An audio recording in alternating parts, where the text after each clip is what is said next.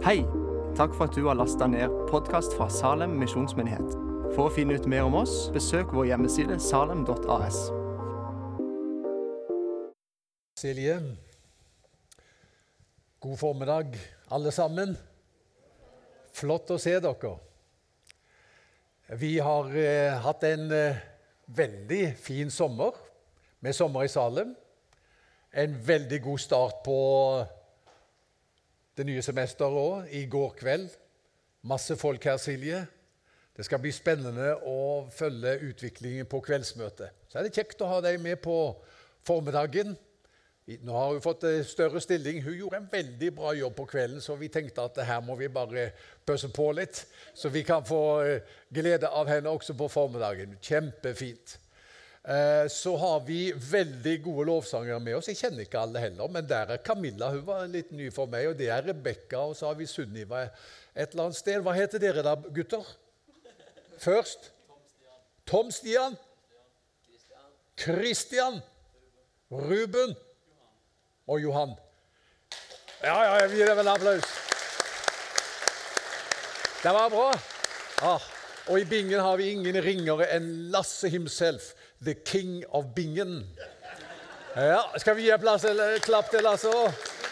Og bak Lasse har vi faktisk Amanuel, som vi har hentet fra utlandet for riktig å ha kontroll på bilder og det som vises på skjermen her. Takk. Veldig bra. Og alle dere andre, hjertelig velkommen. Jeg må si jeg gleder meg til eh, denne høsten og tror at Gud har veldig mye spennende for oss. Som dere legger merke til, er det litt som byggeplass utenfor her. Så det, er, det, det skal bli veldig fint etter hvert. Og eh, kafeen skal vi doble kapasiteten på. Det er ikke uten grunn at vi gjør dette. Vi gjør det tro. Er det lyd? Ja. Vi gjør det fordi vi føler at vi har hørt fra Gud. Det er mer folk som skal komme, og da må vi gjøre plass til dem. Er vi klar for noe mer folk? Ja, vi er det. Og jeg gleder meg til å se når eh, galleriet er fullt. Det behøver ikke bli så lenge til. Jeg har lest en bok i sommer. Nå vet jeg ikke om Arne er her i eh, Der er Arne! Reinersen, kjenner dere han? Sjefen på Vivo. Det er den viktigste butikken i byen for øvrig. Han kan du etterpå, hvis du liker å lese, så kan du hos ham Han har én bok til salgs ute på bokbordet her. Og den uh, heter 'Eksponentiell' av Dave og Jon Ferguson. Men at han bare er en bok, gjør ikke noe, for han kan ta opp en påmelding, sånn at du kan skrive deg på en liste. Jeg har lest to bøker i sommer. Eh, den ene av Magnus Malm, som var kjempebra. Også denne her og disse to eh, brødrene i Chicago. Den inspirerte meg også. Eksponentiell. Den er kanskje ikke for alle, men er du en leder, så vil jeg si den er et must. Og er du interessert i å få innblikk i hva slags retning er det Salem beveger seg i, og hvordan er det vi tenker, så uttrykker denne boka her det veldig, veldig tydelig. Og her er det altså noen nøkler som jeg tror vil hjelpe oss til eh, å bety en forskjell i byen og nasjonen vår. Jeg skal, faktisk, jeg skal komme litt inn på det når jeg taler i dag også. Så det var en liten, eh, liten bokomtale. Og Silje, du har allerede fortalt hva det skal handle om, så da har jeg spart eh, fire minutter på innledningen av talen min. Så da skal vi gå til apostlenes gjerninger og så skal vi lese fra kapittel 1, eh, de eh, ni, tror jeg det er, første versene der. I Jesu navn. Og du får teksten på veggen nå, ser du. I min første bok, Gode Theofilos, skrev jeg om alt det Jesus gjorde og lærte, fra han begynte og helt til den dagen han ble tatt opp til himmelen. Da hadde han ved Den hellige ånd gitt sine befalinger til de apostler han hadde utvalgt. Etter å ha lidd døden sto han levende framfor dem med mange klare bevis på at han levde. I 40 dager viste han seg for dem og talte om det som hører Guds rike til. En gang han spiste sammen med dem, påla han dem dette. Dere skal ikke forlate Jerusalem, men vente på det som Far har lovet, det som dere har hørt om av meg. For Johannes døpte med vann, men dere skal om noen få dager bli døpt med Den hellige ånd.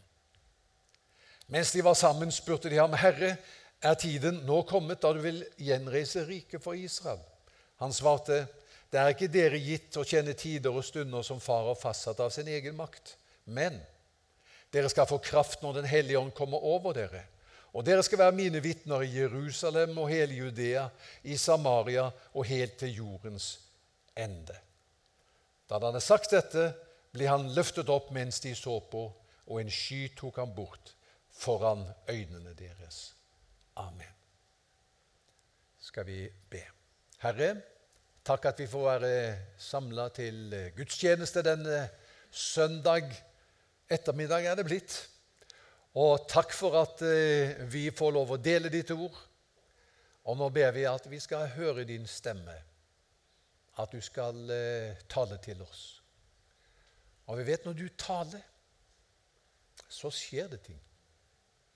Så vi inviterer deg til å tale til oss. Amen. Ja, overskriften har du fått. Den nye begynnelsen. Og eh, bakgrunnen for det er at den teksten som vi har lest her, dette avsnittet, det handler jo om en avslutning og en ny begynnelse. En avslutning fordi Jesus nå skulle tas opp til himmelen. De hadde sett Jesus helbrede syke. De hadde hørt ham undervise. De hadde vært sammen med ham i bønn. De hadde sett eh, hvordan hans treningsprogram var. Eh, og så nå skulle han opp til himmelen.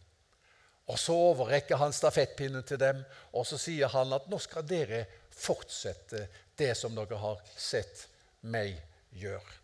Og Så er apostelens gjerninger et eh, vitnesbyrd og en fortelling om hvordan den fortsettelsen ble. Og Apostelens gjerninger er jo egentlig en bok uten en avslutning, så derfor er det sånn at vi kan godt si at vi lever i kapittel 29. Kanskje du ville si 229, men, men, eh, for det har jo gått noen tid siden den gang. Men vi lever i forlengelsen av apostlenes gjerninger. Og hva kan vi lære av dem? Jeg har lyst til å peke på tre ting i formiddag. Nå ble du overrasket over at jeg samlet de tre. Jeg pleier å gjøre det. De som har hørt meg før, vet det.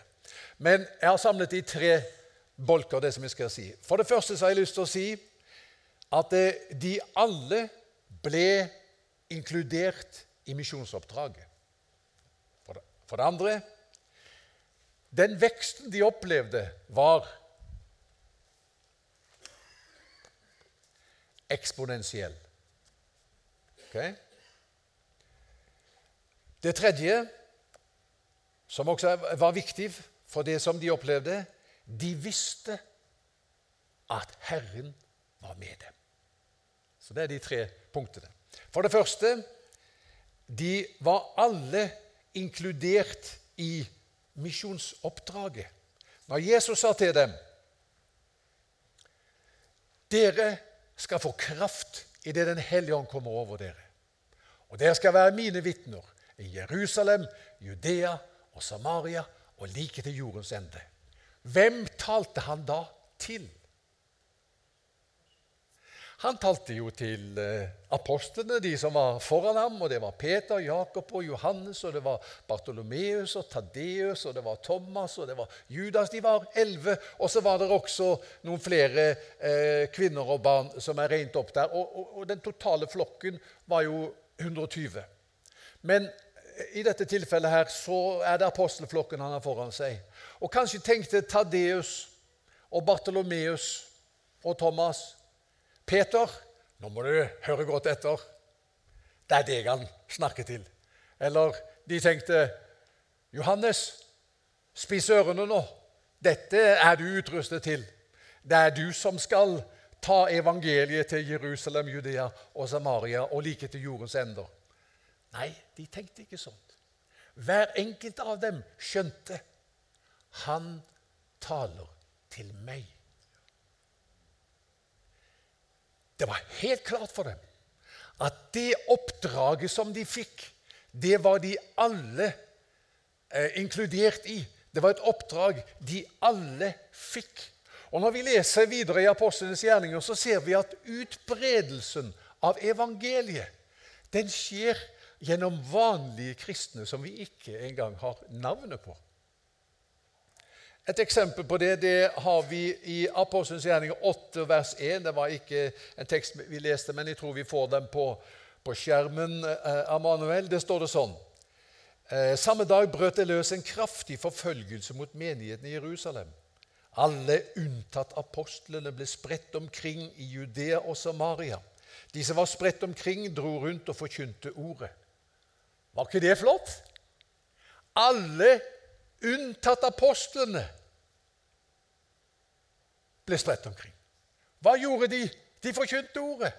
Vi har ikke navnet på dem. I Apostelens gjerning 11,19 står det de som var spredt pga. den forfølgelsen som begynte med Stefanus reiste omkring helt til Funikia, Kypros og Antiokia. Men de forkynte ikke ordet for andre enn jøder. Da noen av dem, folk fra Kypros og Kyrene, kom til Antiokia, forkynte de evangeliet om Herren Jesus også for de gresktalende. Her skjer det noe. Nameless and faceless Christians. Navnløse Ja, de hadde jo ansikt og de hadde navn, men vi vet ikke hvem de var. De tar evangeliet til en ny kultur. Ikke bare, hed, ikke bare, jødene, men nå får også hedningene del i evangeliet. Og Så står det i vers 21 og Herrens hånd var med dem, slik at mange kom til tro og vendte om til Herren. Så det er punkt nummer én. Hvem var det som fikk misjonsoppdraget? Alle. Hver enkelt av dem skjønte han taler til meg. Så her i formiddag hvem er det han taler til når han sier dere skal være mine vitner i Jerusalem, Judea, Samaria og like til jordens ende? Ja, da vet Camilla han taler til meg. Og da vet Sunniva han taler til meg. Og da vet Hva har du hett igjen, sa du? Tom Stian. Ikke sant? Jeg burde huske det. Men når du gjentar det to ganger, så sitter det. Tom Stian vet. Han taler til meg. Og han er i hvite skjorte. Han heter Kristian. Det vet jeg, for han, det heter sønnen min nå. Så Kristian, han vet. Han har talt til meg. Jeg kan ikke si til Silje 'Silje, du er så begavet'. Det er deg det gjelder. Men Kristian vet. Han har talt til meg. Hmm. Dette begynner å bli interessant. Dette er ikke for noen få men dette er for oss alle. Ok, Punkt 1. Det var det. Punkt 2. De opplevde, disse første kristne som fikk dette kallet, eksponentiell vekst. Har du hørt det ordet 'eksponentiell'? Lett å forklare. Du får en illustrasjon på veggen, men uh, det er kanskje ikke så lett å forstå, så kan, uh, du kan bare komme med den, uh, Manuel, men det er ikke så lett for deg å sikkert å forstå, så jeg kan tegne det til deg. Eksponentiell vekst. Ser du det? Det ble litt lettere for deg. Det er det, det, ser sånn ut. Ser dere det, dere som er her borte? Eksponentiell vekst det er en vekst som begynner litt sakte, og så blir kurven bare brattere og brattere, og så tar det helt av. Det er en galopperende vekst. Det er en epidemi, det er en pandemi, en positiv pandemi av vekst, der det tar helt av. Og til å begynne med, hvis vi teller Jesu etterfølgere, så var de tolv. Jesus velger ut tolv. Og så, de, så, så, så, leser vi om 70. Det er ikke så veldig mange. Så leser vi om 120 i Apostelens gjerninger 2. Så blir 3000 frelst. Så blir, så blir det 5000. Og så begynner det å bli så mye folk at de gir opp, og så teller folk, og så begynner de å telle menigheter. Og så er det en eksponentiell vekst. I løpet av 30 år, de årene som apostlenes gjerninger dekker, så er det 100 000 som er blitt kristne bare blant jødene. Og I løpet av 300 år så er det i Romerriket en, en, en, gresk, eh, eh, en romersk historieskriver sier det var en uhyre mengde kristne.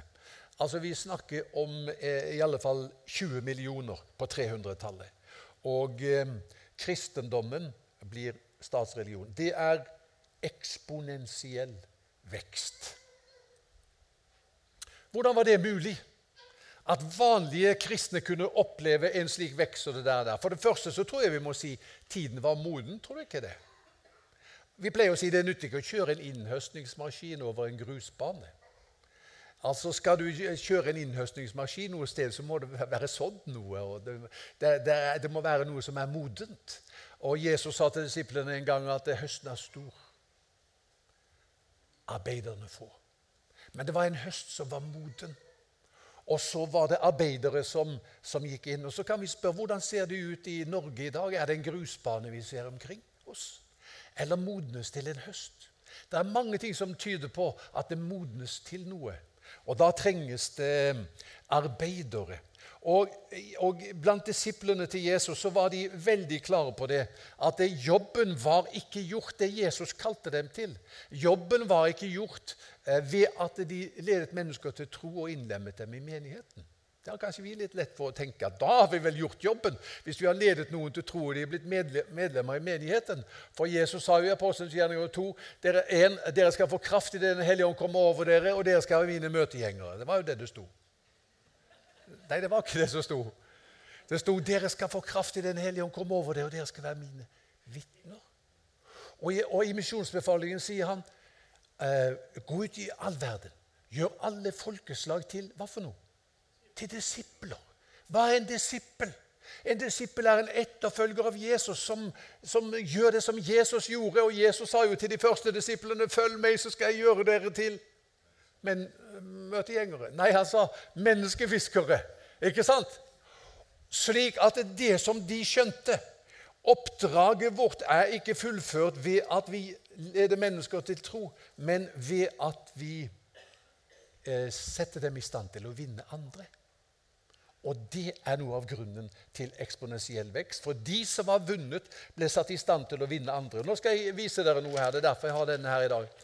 Fordi at eh, Jesus hadde en treningsmodell. Skal vi se om denne tusjen er litt bedre. Det var den. Og, eh, For mange år siden så hadde jeg en, bok i hånda mi som heter 'The Training of the Twelve'. Det er en klassiker. Det var en mursteinerbok, så jeg orker ikke å lese den. Jeg leste bare et resymé på baksida. Men jeg har ikke glemt det der. der. Uh, for den var så svær, jeg orker ikke å lese den. Men 'The Training of the Twelve', og den hadde noen enkle, enkle prinsipper. Nå skal du høre. Og det var dette. Jesus sa 'Jeg gjør det. Du ser på'. Det var modellen til disiplene. Han kalte disiplene til å være med ham.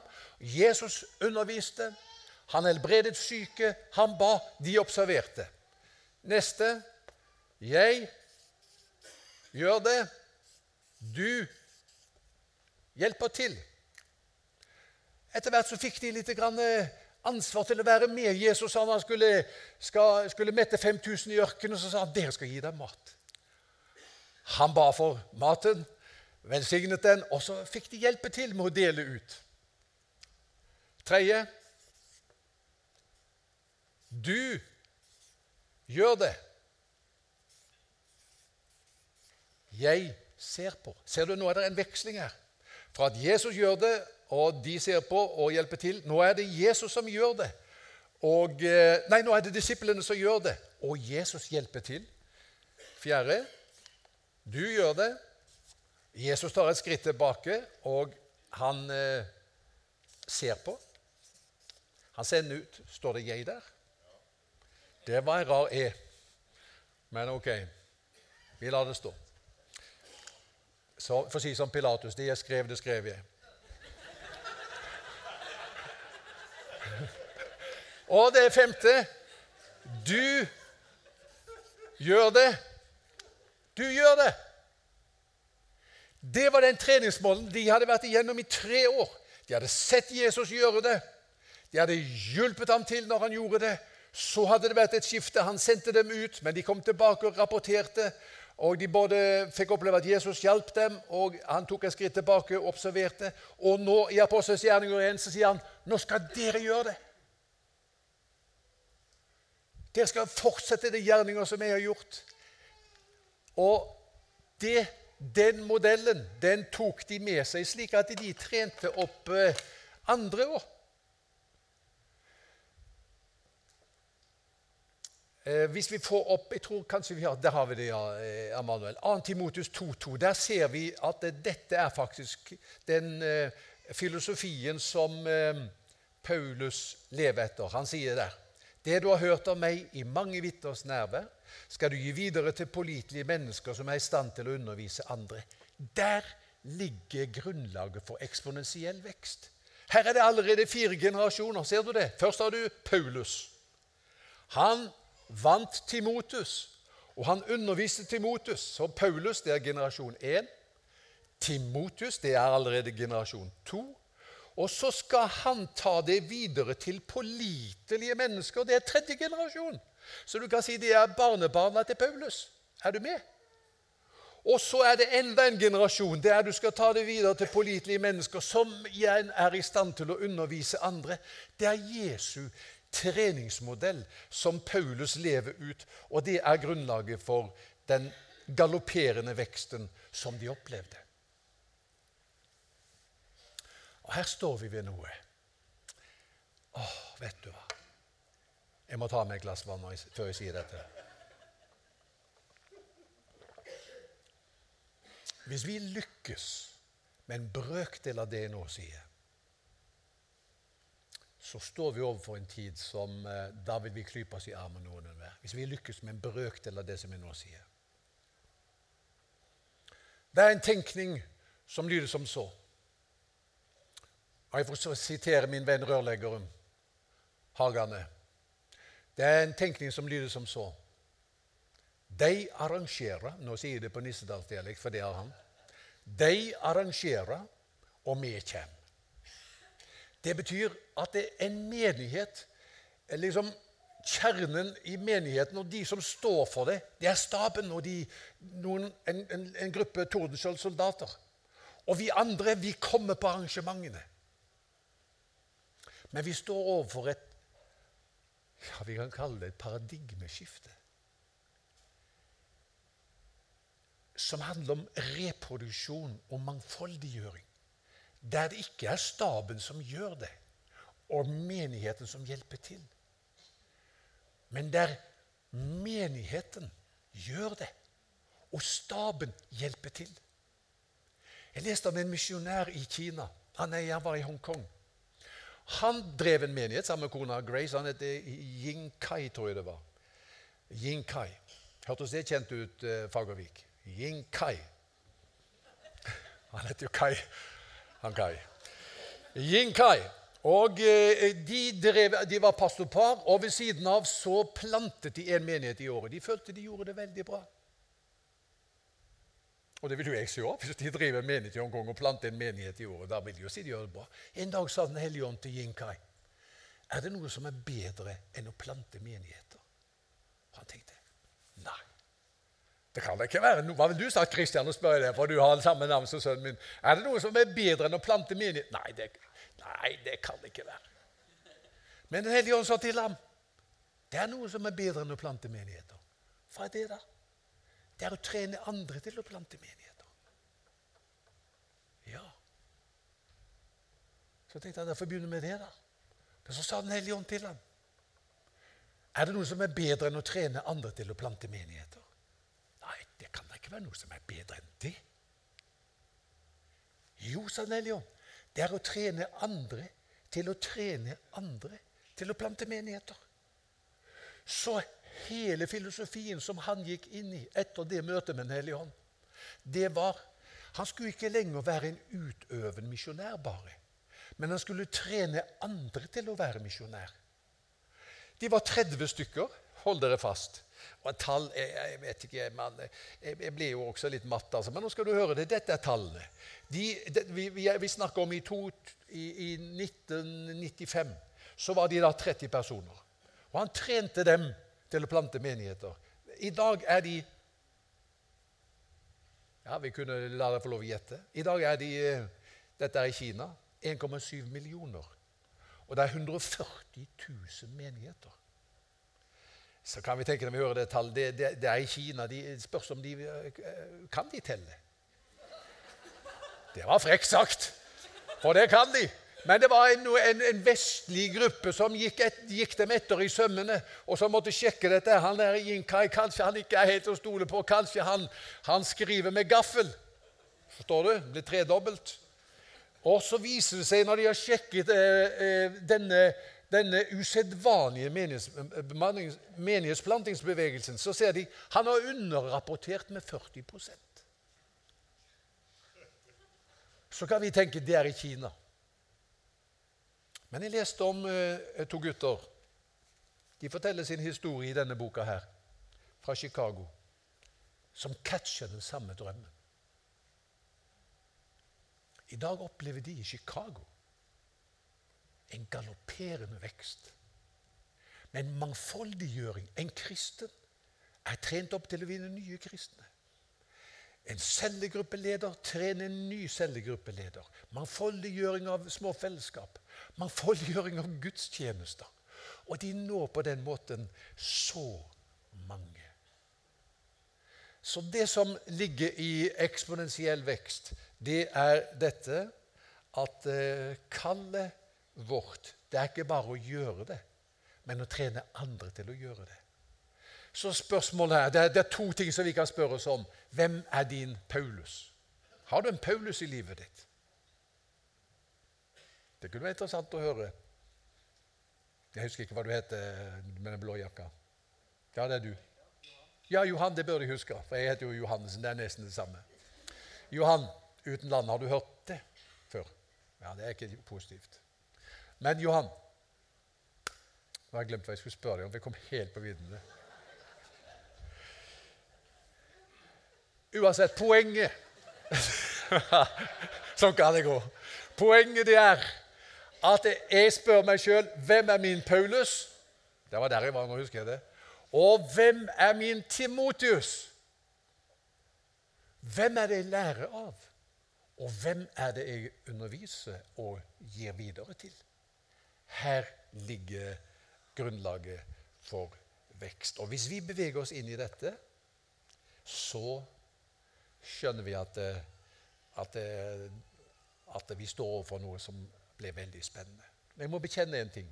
Dette her, Den der filosofien der, den har jeg kjent til i 30 år. Men jeg har tenkt det lar seg ikke gjennomføre. Det er så vanskelig å få til. Der tapte jeg allerede. Ser du det? Jeg tenkte, Det der går ikke. Så er det altså en som heter Yin Kai i Kina, som sier jo, det går. Og så ser du hvor de er i dag. Og så er det to brødre som heter Ferguson, som er i Chicago. Så sier de jo, det går. Og så er vi her i Salem denne søndag ettermiddag, og så sier de til hverandre Når vi ser på det der, så sier vi jo, det går. Det kan vi få til. For det er ikke snakk om all verden. Tredje og siste punktet, som var veldig viktig, det er det at de visste de første kristne, at Herren var med dem. Jeg leste en gang uh, noe av en evangelist som heter Moody. Det er for uh, dere på første benk et ukjent navn. Det gjør ikke noe. Men han var pastor på 1800-tallet i Chicago. Og um, det sier som han at han uh, tok Amerika i den ene hånda og England i den andre. Og så løfta han begge disse landene opp til Gud. Han var en vekkelsesmann. Og han sier et sted vi trenger to slags tro, den enkelte av oss. Vi trenger tro på at Gud er til. Tror du at Gud er til? Ja, Det er den ene type tro vi trenger. Tro at Gud er til. Den andre type tro vi trenger, det er å tro at Gud er med meg. Jeg kjenner en evangelist det var Galaterbrevet 2,20 som forvandlet hans liv totalt. vet du hva det står i Galaterbrevet 2,20? Jeg er korsfestet med Kristus. Jeg lever ikke lenger selv, men Kristus lever i meg. Han er med meg. Når jeg er ute og beveger meg, når jeg går, når jeg sitter, når jeg står, når jeg taler, når jeg møter mennesker. Jeg er ikke alene. Jesus er med meg. Og hør du, dette er evangeliet. Jeg har bestemt meg for det. Det skal ikke gå et eneste møte uten at jeg forkynner evangeliet. Og dette er evangeliet som jeg har lyst til å gi deg i dag. Jesus døde og sto opp igjen for en grunn. Vet du hvilken grunn det var? Det var for å åpne adgang for Den hellige ånd til igjen å virke og bo iblant sitt folk med kraft og med makt. Det var derfor han døde. Sone våre synder. Hva var problemet med syndene? Syndene skapte et skille mellom oss og Gud. Så han sa hvis Gud skal bo iblant sitt folk og virke iblant sitt folk, så må vi gjøre opp med syndeproblemet. Og så dør Jesus på korset, og så tar han på seg dine og mine synder, og så roper han ut 'Det er fullbrakt'. Ikke sant? Så revner forhenget i tempelet i to, fra øverst til nederst. Hva er symbolikken i det? Ja, men Forhenget i tempelet mellom det hellige og det aller helligste, det var liksom forhenget i tempelet. Det var et adgang forbudt-skilt. For der bak det forhenget, der var Gud. Der var Shekinah glory. Der var Herrens herlighet. Og så er det som når Jesus dør på korset, så tar Gud tak i dette forbudsskytet, og så dytter han det ned, eller han river forhenget i to, og så sier han 'velkommen'. Nå, ved Jesu død på korset, er det åpnet adgang, slik at du kan erfare mitt nærvær i ditt liv fra dag til dag, 24-7. Jeg er med dere. Dette prøvde Jesus å anskueliggjøre da han var sammen med dem. og Vi leser det i teksten her. Vi leser at han viste seg for disiplene, så forsvant han. Så viste han seg for disiplene, og så forsvant han. Og Så trodde jo de da vet du, en stund at han kom og gikk. Da han viste seg for dem, nå var han der. Takk og lov. nå igjen. Så forsvant han. Oh. Så viste han seg for dem igjen. Ah, han er her jo. Så forsvant han. Så viste han seg igjen. De trodde han kom og gikk. Men så gikk det opp for dem. Det var ikke sånn at han kom og gikk. Det var bare at han skrudde lyset av og på. Han var der hele tiden. Så når han for opp til himmelen, så var ikke det begynnelsen på guddommelig fravær.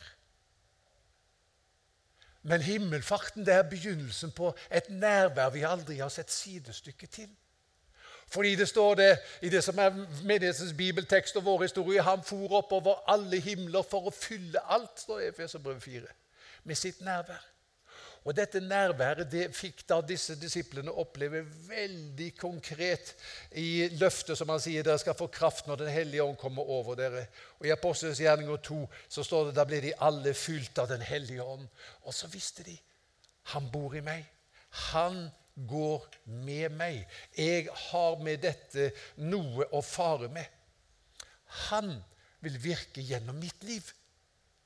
Den enkelte av oss. Ikke bare Peter, Jakob, og Johannes og Tadeus, men alle de andre som vi ikke kjenner navnet på også. Og så gjelder det deg. Er du usikker på om du er fullt av Den hellige ånd?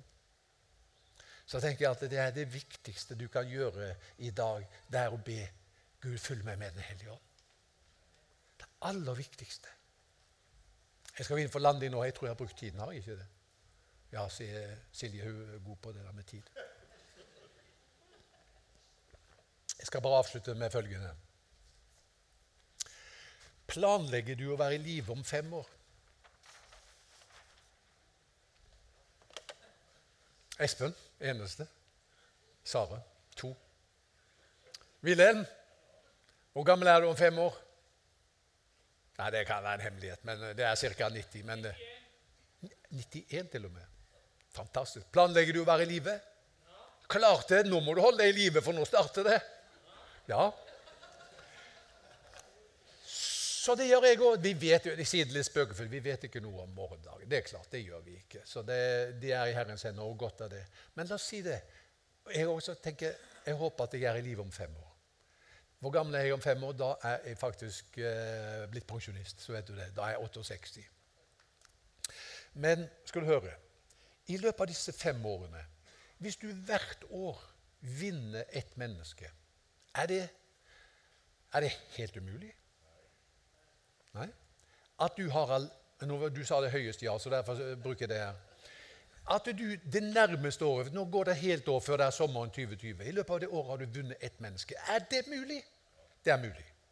Hvis du året etter, da, til, fram til 2021, også vinner et menneske, og du gjentar dette hvert år i fem år Om fem år, hvor mange har du vunnet da? Da har du vunnet fem. Det er jo fantastisk. Hvis vi alle om fem år har vunnet fem, det er jo fantastisk. Men se her. Hvis du første året vinner én, hvor mange er dere da? Da er dere to.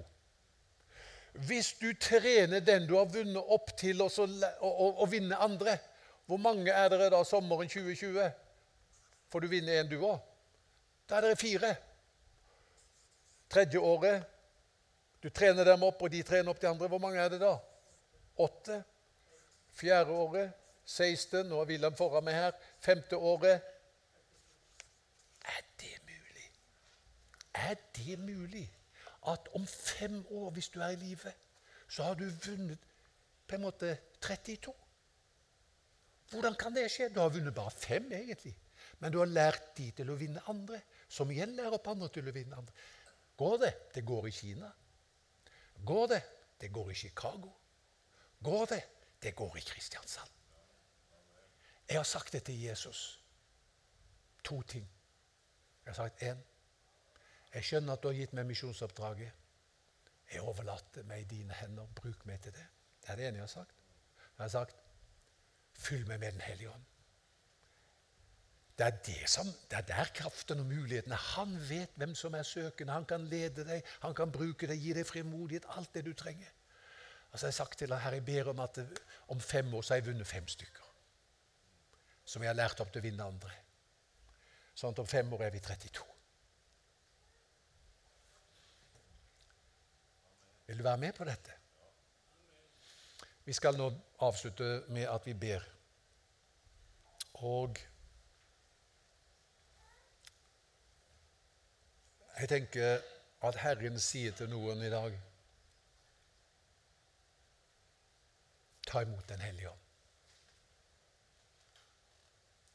Vet du at det, det ordet der på gresk 'ta imot Den hellige ånd' Det ordet der det betyr også 'grip Den hellige ånd'. Det er liksom noe aktivt. Så kan man si ja, men jeg har jo Den hellige ånd. Ja, det håper jeg virkelig, for det er faktisk et kjennetegn på en kristen. En kristen er en som har Den hellige ånd. Men spørsmålet er har Den hellige ånd deg.